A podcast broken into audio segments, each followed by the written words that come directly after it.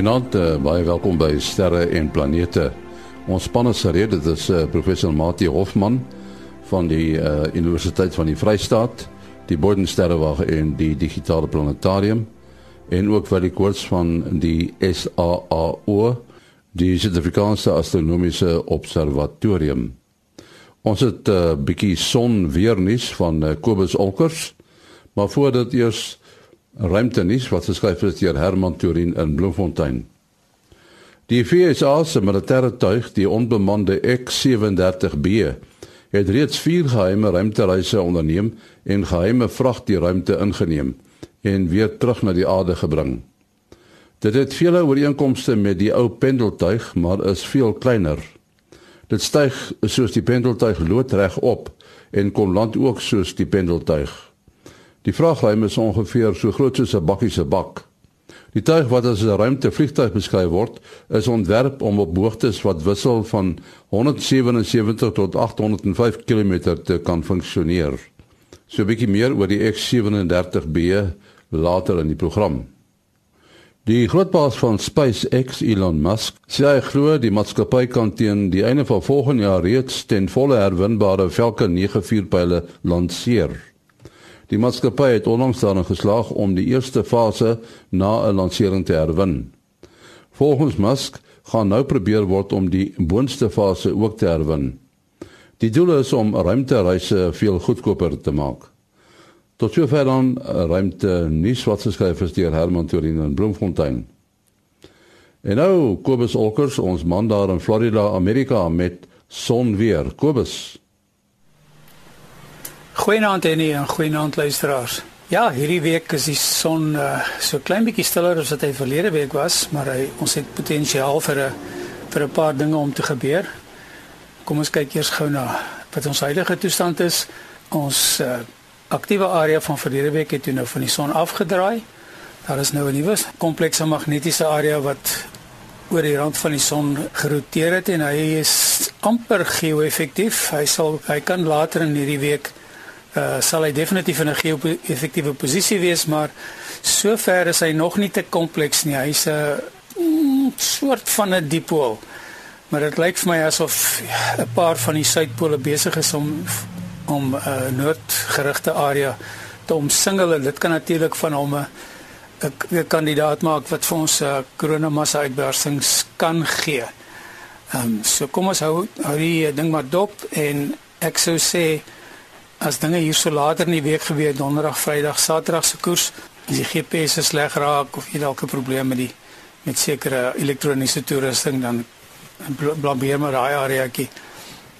En dan verder uh, is daar net 'n op op hierdie stadium 'n koronagat by die suidpool van die son en van sy heel noordelikse uitblasing of sonwind wat van die heel noordelike noordelikste gedeelte daarvan kom het het die aarde verlede week 'n bietjie gekielie en die mense het baie mooi auroras gesien. Daar was natuurlik ook 'n korroterende interaksie interaksie area gewees.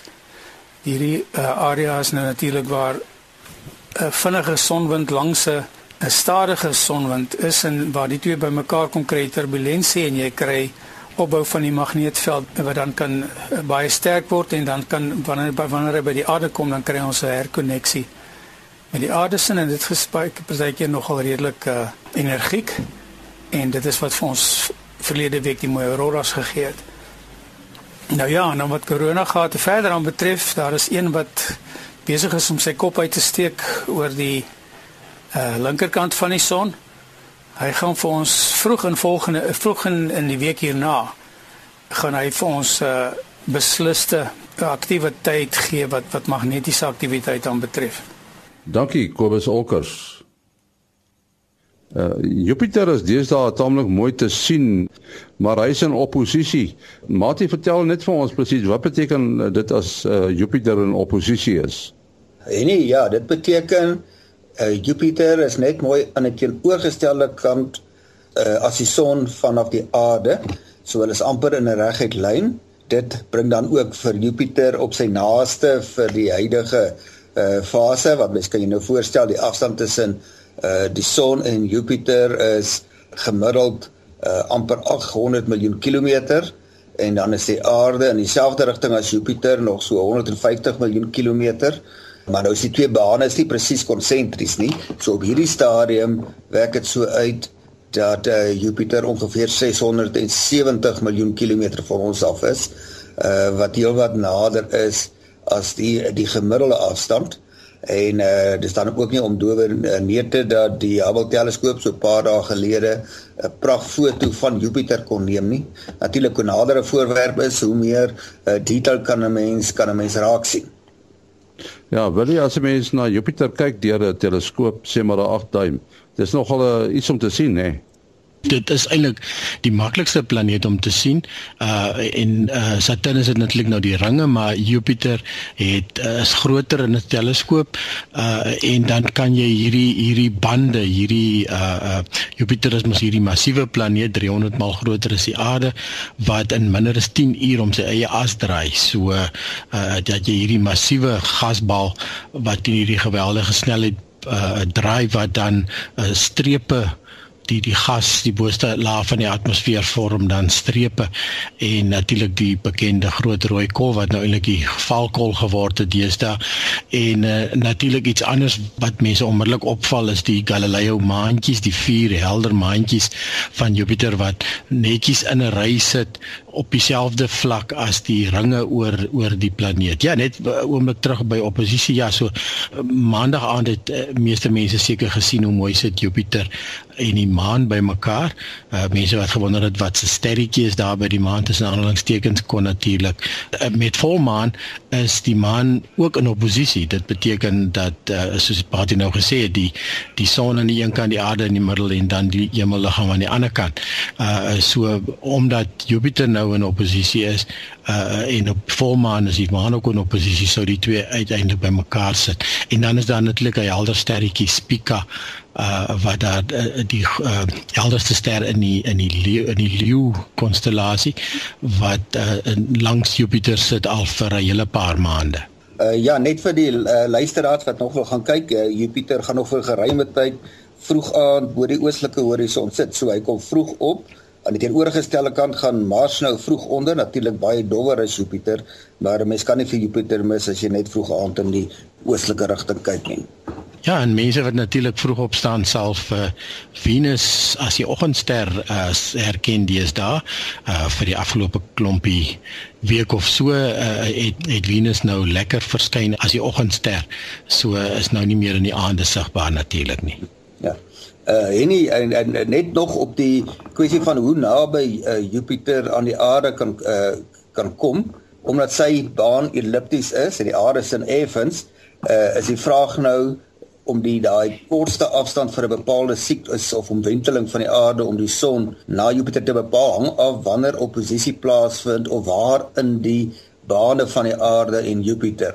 Uh so die bane het 'n bepaalde punt waar hulle op die naaste aan mekaar kom en dis ongeveer 580 miljoen kilometer. So dis die naaste wat Jupiter aan die aarde sou kan kom. Nou in hierdie geval is dit nou nog die naaste vir die vir die huidige omwenteling van die aarde maar dit is nog steeds 670 miljoen kilometer en dit vat vir lig ongeveer bietjie meer as 'n halfuur om daardie afstand te, te beweeg. En dan wat 'n mens nou mooi kan sien op die foto wat die Hubble teleskoop geneem het, is die sogenaamde rooi kol junior. Nou die uh, groot rooi kol wat uh, wil ek gesê het nou die vaalkol geword het want deur gewone teleskope lyk hy beslis nie meer vir ons uh, rooi nie het in die afgelope dekade of 2 3 kleiner geword. Uh sy aanvanklike grootte was seker so vandat hy nou in die 1600s die eerste keer waargeneem uh, was ongeveer 3 maal die deursnee van die aarde. Nou is hy bietjie bevaalvormig in 'n een rigting. Die nouste uh, afstand uh, ongeveer die aarde se deursien in die ander rigting nog seker so 2 3 keer. Daarteenoor word die rooikol junior wat nou in die suidelike hemisfeer bietjie meer verder suid as die rooikol sit, uh word nou groter. En hy het 'n paar jaar gelede eers gevorm toe 'n paar kleiner storms gekombineer het en daardie dis het gewys as uh wit kolletjies in die in die atmosfeer en hulle het gekombineer Nou is daar baie sterker winde van 'n paar honderd kilometer per uur en ek dink dit maak dan die vermenging uh, van die gasse, mens kan waarskynlik dan dieper in die atmosfeer inkyk en dit maak dat hy nou begin 'n uh, uh, roei lyk het. Ja, uh, jy noem dit nou uh, ons kyk eintlik dan na 'n gasbol, nee, dis 'n gasplaneet. Ja, dit is ons nog steeds moeilik om daaraan uh, so te dink want ons dink nou maar die maklikste vir ons om aan te dink is iets analoog aan die aarde met 'n soliede basis onder jou, die so 'n uh, sogenaamde rotsagtige planeet en dan 'n dun atmosfeer en dan ons nou uh, die vier rotsplanete tot en met Mars. Maar van daar af is die gasplanete wat nie 'n baie skerp gedefinieerde oppervlak het nie. Dan as mens nou gaan kyk dan kan jy sien waar is die uh, planeet, jy kan dit presies sien, maar as jy nou nader sou kom, is daardie grens is baie diffuus.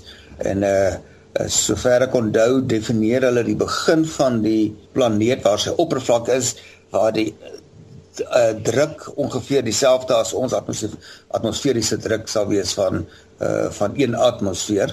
En dan hoe dieper jy in daardie uh, gasplaneet ingaan hoe digter uh word die gas hoe hoër word die druk en hoe warmer word dit ehm um, en dan as jy nou naby die middel kom waar 'n moontlike soliede eh, metaal waterstof kern kan wees, weet dan praat ons van ter duisende atmosfeer uh, maal atmosferiese druk en temperature van duisende grade Celsius.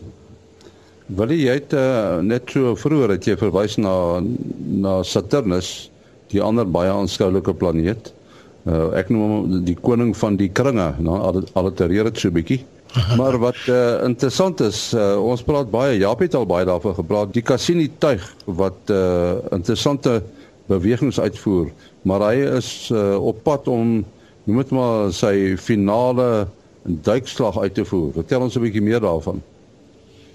Ja, Japie het vir ons al 'n uh, eh, paar keer vertel van hierdie uh Cassini is is nou al uh ek dink iets soos uh, 17 jaar of wat ook al in Wentelbaan rondom Saturnus vir ons wonderlike foto's geneem en um soos wat uh die uh tuig aan die einde van sy sending gekom het, het hulle al hoe meer waaghalsig geraak en uh klompie vlugte al deur die ringe uh, plaasgevind en uh, uh soveel so dat hulle partymal die antenna uh, na na die voorkant toe draai uh, wat nou dat hy nou die die amper soos 'n soos 'n uh, sambreel oopmaak en en hopelik 'n uh, bietjie help teen klein stukkies wat satelliet kan kan uh, uit aksie stel.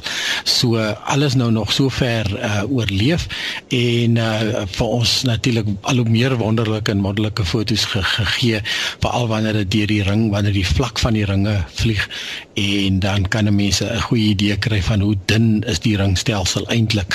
Ek meen dit is dis dis 'n paar honderd meter uh, in deursnee en uh um van die maantjies wat tussen die ringe is en so aan. Soos Japia vir ons 'n paar keer verduidelik het, uh daar is definitief water uh teenwoordig op uh, baie van die maane van uh van Saturnus. Uh Enceladus is 'n plan 'n maan wat hy kort kort noem wat hulle nog wil sendinge na toe stuur. So uh en ons weet as daar water is, is daar 'n moontlikheid van lewe en uh soos wat hy ook al 'n paar keer vir ons verduidelik het, daar is selfs 'n moontlikheid dat daar uh bakterieë kan oorleef het en hulle het dit al uit die ruimte uh, so waargeneem goed wat terugkom uit die ruimte uit waar bakterieë in die vakuum van die ruimte oorleef het. So 'n uh, mens moet uh, alle waarvoor hulle bang is is dat uh, hulle moontlik die maane kan kontamineer met 'n bakterie van die aarde af. So uh, die uh, laaste sending wat nou hier in hierdie week plaasvind, uh word Cassini nou op 'n noem dit nou maar 'n botsbaan uh, gesit en uh, en dan sal uiteindelik in die boonste atmosfeer van Saturnus uitbrand. Die lekker van die sending is dat hulle gaan so ver moontlik uh die kameras aan die gang hou, die kameras gaan stream soos ons nou ken daar uh die data want daar gaan nie tyd wees om dit agterna af te lei nie. Die uh, ruimtetuig gaan daarmee heen wees. So dit is eintlik die einde van sy uh, van sy sending. Ja, uh, uh en ja, die uh, oomblik wat hulle nou kan sê die sending sy totale finale fase ingaan is op 22 April en dit is nou uh, danksy die uh, verbyvlug die laaste verbyvlug by Titan verby en dan gaan hulle nou sy uh, gravitasie gebruik om hom dan nou in hierdie nuwe uh, baan in te slinger as ons dit so kan stel. Uh, nou moet ons onthou uh, uh, die tyd het reeds in 2004 2005 daar aangekom nadat in 1997 gelanseer het en uh, vir die afgelope meer as 'n dekade het hy al hierdie wonderlike ontdekkings gemaak wat uh Willie na verwys het. Maar dan gaan hy daarom nou nog 22 keer uh om uh Saturnus wentel in 'n elliptiese baan wat hom dan nou baie naby aan die ringe gaan bring en uiteindelik gaan hy deurgestuur word. Daai gaping wat ons nou kan sien tussen die binneste ring van Saturnus ek dink hulle noem dit die D-ring en die uh buitenste oppervlak van Saturnus en dis maar ongeveer 2000 km uh groot en die relatiewe spoed gaan uh, kolossale 122000 km per uur wees. En nou is die vraag, sê nou maar die tuig bots met daai deeltjies in die ringe. Terwyl hy gaan nou probeer om deur die gapings te vlieg en die ringe van so eentjie af af te neem. Maar selfs in die gapings is dit nie heeltemal leeg nie. Die hulle hoop of hulle verwagting is dat dit gaan meer wees asof Cassini deur uh, iets soos 'n rookwolk vlieg. Daar gaan nog klein rookgrootte deeltjies wees, maar dit is nog steeds sien daardie groot relatiewe spoed en om dit te oor of om sy instrumente dit te laat oorleef en daai instrumente is nou tot op die laaste oomblik voor 'n uitbrand belangrik uh want dit moet data terugstuur soos hy uh, vir die verduidelik het. Uh maar die slim plan is is om hom so te orienteer dat sy groot antenne skottel tussen in die in die tussen die instrumente, die sensitiefste instrumente en die rigting van beweging is. Ek weet nie hoe hulle dit reg kry dat koördineer dat daardie antenne dan nou nog in die rigting van die aarde ook kan wys nie, maar die ek neem aan die baan is uh so beplan. Uh so dink die mense wat die sending gevolg het deur die jare kan nie wag vir daai laaste inligting nie en uh nou weet ek nie of 'n paar ouens se loopbaan dan nou beëindig gaan word en of hulle net hulle gaan aftree of wat ook al nie want dit was 'n noemenswaardige deel van die loopbaan van 'n hele klompie wetenskaplikes wat aan hierdie sending gewy was. Ja, mens wil amper uh, sê hou voel hartseer oor dit wat nou gaan gebeur, nê. Mense neem afskeid daarvan. Ja, hulle noem dit 'n bittersoet uh oomblik wat gaan aanbreek. Die uh, FSA is deesdae nogal in die nuus Maar wat ook in die nuus uh, was is hulle spionasietuig. Sy naam is die X37B. Lyk baie soos die uh, die pendeltuie, is reg, wil jy net baie kleiner die grootte van die van die tuig is is dit soos jy sê by baie soos die pendeltuig uh net heel wat kleiner. Die die lengte is maar net so amper 9 meter uh so 3 meter hoog en en uh sy vlerkspan is is so amper 5 meter. Uh interessant genoeg uh, ja die hele uh, die hele tuig weeg dan net so 5 ton wanneer dit gelanseer word. En uh oorspronklik uh was die beplanning om dit in die in die vragruim uh, van die pen, van die pendeltuig te kan sit. So die die die klein die klein tuigie kon kon pas binne in die in die paneltuig se vragruim wat natuurlik nou 'n taamlike groot vragruim het. Die netjie het ook 'n vragruim, maar dis omtrent so so groot soos 'n soos 'n klein vragmotortjie se bak. Uh net so oor die uh 2 meter by 1.2 meter uh wat hy dan nou 'n spasie het wat hy kan um kan goed saamdra. So ja, oorspronklik was dit nie 'n geklassifiseerde of 'n spionasietuig uh nie. Dit was um oors, oorspronklik deur die die tuig is gebou deur Boeing en ehm um, en dan het het oorspronklik aan in NASA behoort en en uh, so daar was redelik inligting uh, destyds vrygestel gewees en uh, toe hier in 2000 2004 rond is dit uh, oorhandig aan die uh, uh, Amerikaanse weermag die die, die lugmag eintlik. En uh, en toe dit nou onmiddellik 'n uh, geklassifiseerde uh, tuig geword. En uh, ja die by die eerste lansering van dit hier terug in 2010 uh, met ons eie Greg Roberts mense wat die Facebook plan, uh, blad van Planet Planete volg sien om baie daarso uh, pos uh, uh, uh, kenner, absolute kenner van uh, satelliete, satellietjagter eintlik sy hele lewe lank. Uh, hy het oorspronklik een van ons sterrekundiges hier by die sterrewag gewees en uh, maar volg al satelliete seer teen 1957 toe Sputnik 1 opgegaan het. Ehm um, het hulle is so 'n groepie uh, mense wat uh, is met die eerste lansering uh hom probeer kry dit in die lug kan jy maar sê want uh, sy baan sal natuurlik geklassifiseer wees so die die inligting oor sy baan sal nie bekend gestel gewe, uh, geword het nie. En um en die Amerikaners het hulle so 'n bietjie gefnuik want ehm um, uh, die die die tuig het het 'n koersaanpassing gedoen kort nadat die inligtingstroom afgesny is van na die lansering. Ehm um, ja, so die die die die lansering self vind met 'n vierpyl plaas. So dis eintlik waar hy verskil van die van die penalty. Maar ehm um, so toe hy toe hom nou so na omtrent 'n maand het hom het hom toe opgetel gekry die die klomp uh, satellietjagters, hulle so 'n klompie mense reg om die wêreld en ehm um, en hom toe gevolg. So dit was nou die eerste lansering en um, tans is hy al besig met sy vierde uh, rit in die in die ruimte en ehm um, oorspronklik eh, die inligting wat oorspronklik bekend geword het het, het gedink dit sal so 'n paar honderd dae 'n uh, reis ruimte reis kan onderneem. Uh nou die huidige uh, reis is al oor die 600 dae in die lug en ehm um, hulle weet nie presies wat hulle eintlik doen daar nie. Dit is eintlik nou alles geklassifiseer wees en ehm um, daar sal spekulasie dat jy kan ehm um, uh, uh, ruimtewapens uh doen jy kan uh satelliete onderskep en so aan maar 'n klomp van die kritici en kenners het al gesê nee wat is nie regtig moontlik nie. So op die stadium vermoed hulle dit is baie maar meer net uh, eksperimenteel. So behalwe die pendeltuig is dit natuurlik die enigste ander tuig wat kan terugkom aarde toe. Uh die ander uh, vier pile behalwe natuurlik uh dis daar SpaceX wat nou hulle eerste stadium vier pile kan terugbring en hergebruik van een van SpaceX se se se eerste stadium van hulle vier pile sopas afgehandel. So maar in hierdie geval het jy 'n 'n vliegtuigie wat op 'n vierpyl dan gelanseer word en dan uiteindelik uh, heeltemal roboties uh, kom land soos 'n uh, sweeftuig. Ja, dieselfde hoogte waarskynlik as uh, die uh, ISS, die pendeltuie wat om die aarde gewentel het. Is dit min of meer 400 km? Dit dis korrek. Ja, ja, so die die die vlugte so ver was was erns tussen 4 en 500 km. Ehm um, een een ding wat hierdie tuig uh, onderskei van uh van gewone satelliete is dat uh het blykbaar baie meer manoeuvreerbaar. So uh, hy kan redelik sy baan verander.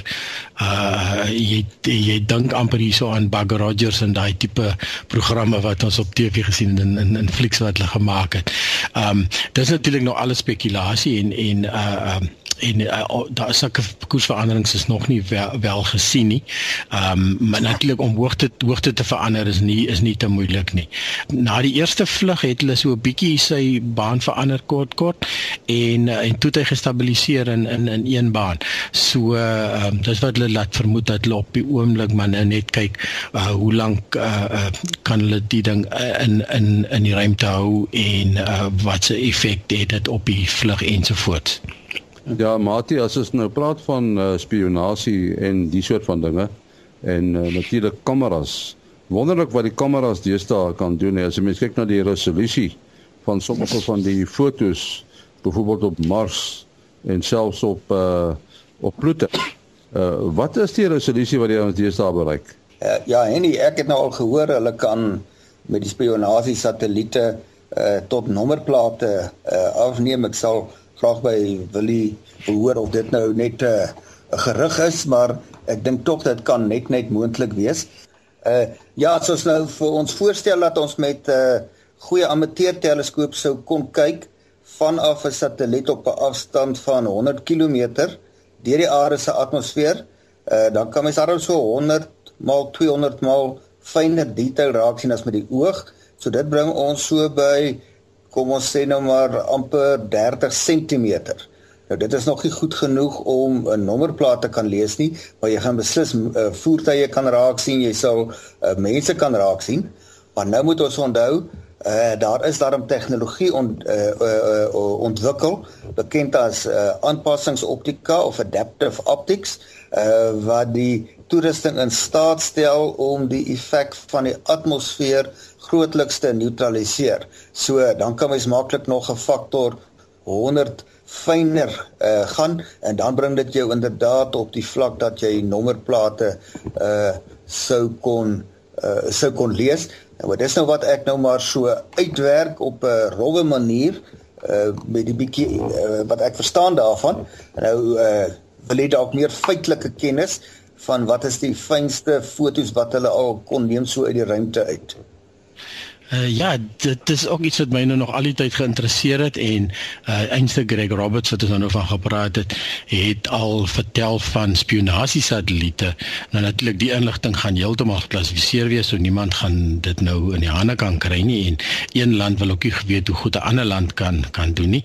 En eenste hierdie aanpassingsoptika wat jy nou van gepraat het, is juis ontwikkel om af te kyk en later eers ons teleskope om op te kyk. So uh Greg het, het op 'n kol genoem dat hulle kan blykbaar die geslag van 'n kat uit die ruimte uit waarneem. Nou dit klink nou snaaks, waar kyk jy nou met jy kyk na die kopvorm? Blykbaar is 'n mannetjie en 'n die kopvorm van 'n mannetjie kat en 'n wyfie kat verskil. So dit is eintlik beter as 'n nommerplaat kan jy maar amper dink. Ek het nou ook gehoop pas sommetjies gaan maak, uh, want ek sien toe hier as jy praat van hoë resolusie satelliete op die internet dan praat hulle van so by die 40 uh, cm pixels uh, ensovoorts. Toe gaan doen ek ook 'n sommetjie en ek sê gestel is satelliet is 500 km bo kan die aarde en uh, die atmosfeer is natuurlik nou wat jou beperk. Uh so in die beste atmosferiese toestande wat eintlik net in die nag plaasvind natuurlik. Uh maar kom ons sê vir argument sou halwe dit kan jy doen is 1 boog sekonde. Dan uh, kom jy op 2.4 meter uit. Uh so jy kan sien dat jy sal moet aanpassingsoptika hê om enigsins beter te gaan. Goed, ons moet afsluit. Uh wil jy wat is jou uh, besonderhede? Ja, mense kan bel SMS WhatsApp 0724579208. 0724579208. En dan Mati? Uh selfoonnommer 0836257154. 0836257154. En uh, my e-posadres is maas.henny@gmail.com. maas.henny@gmail.com. Volgende week is ons weer hier. Tot dan. Mooi loop.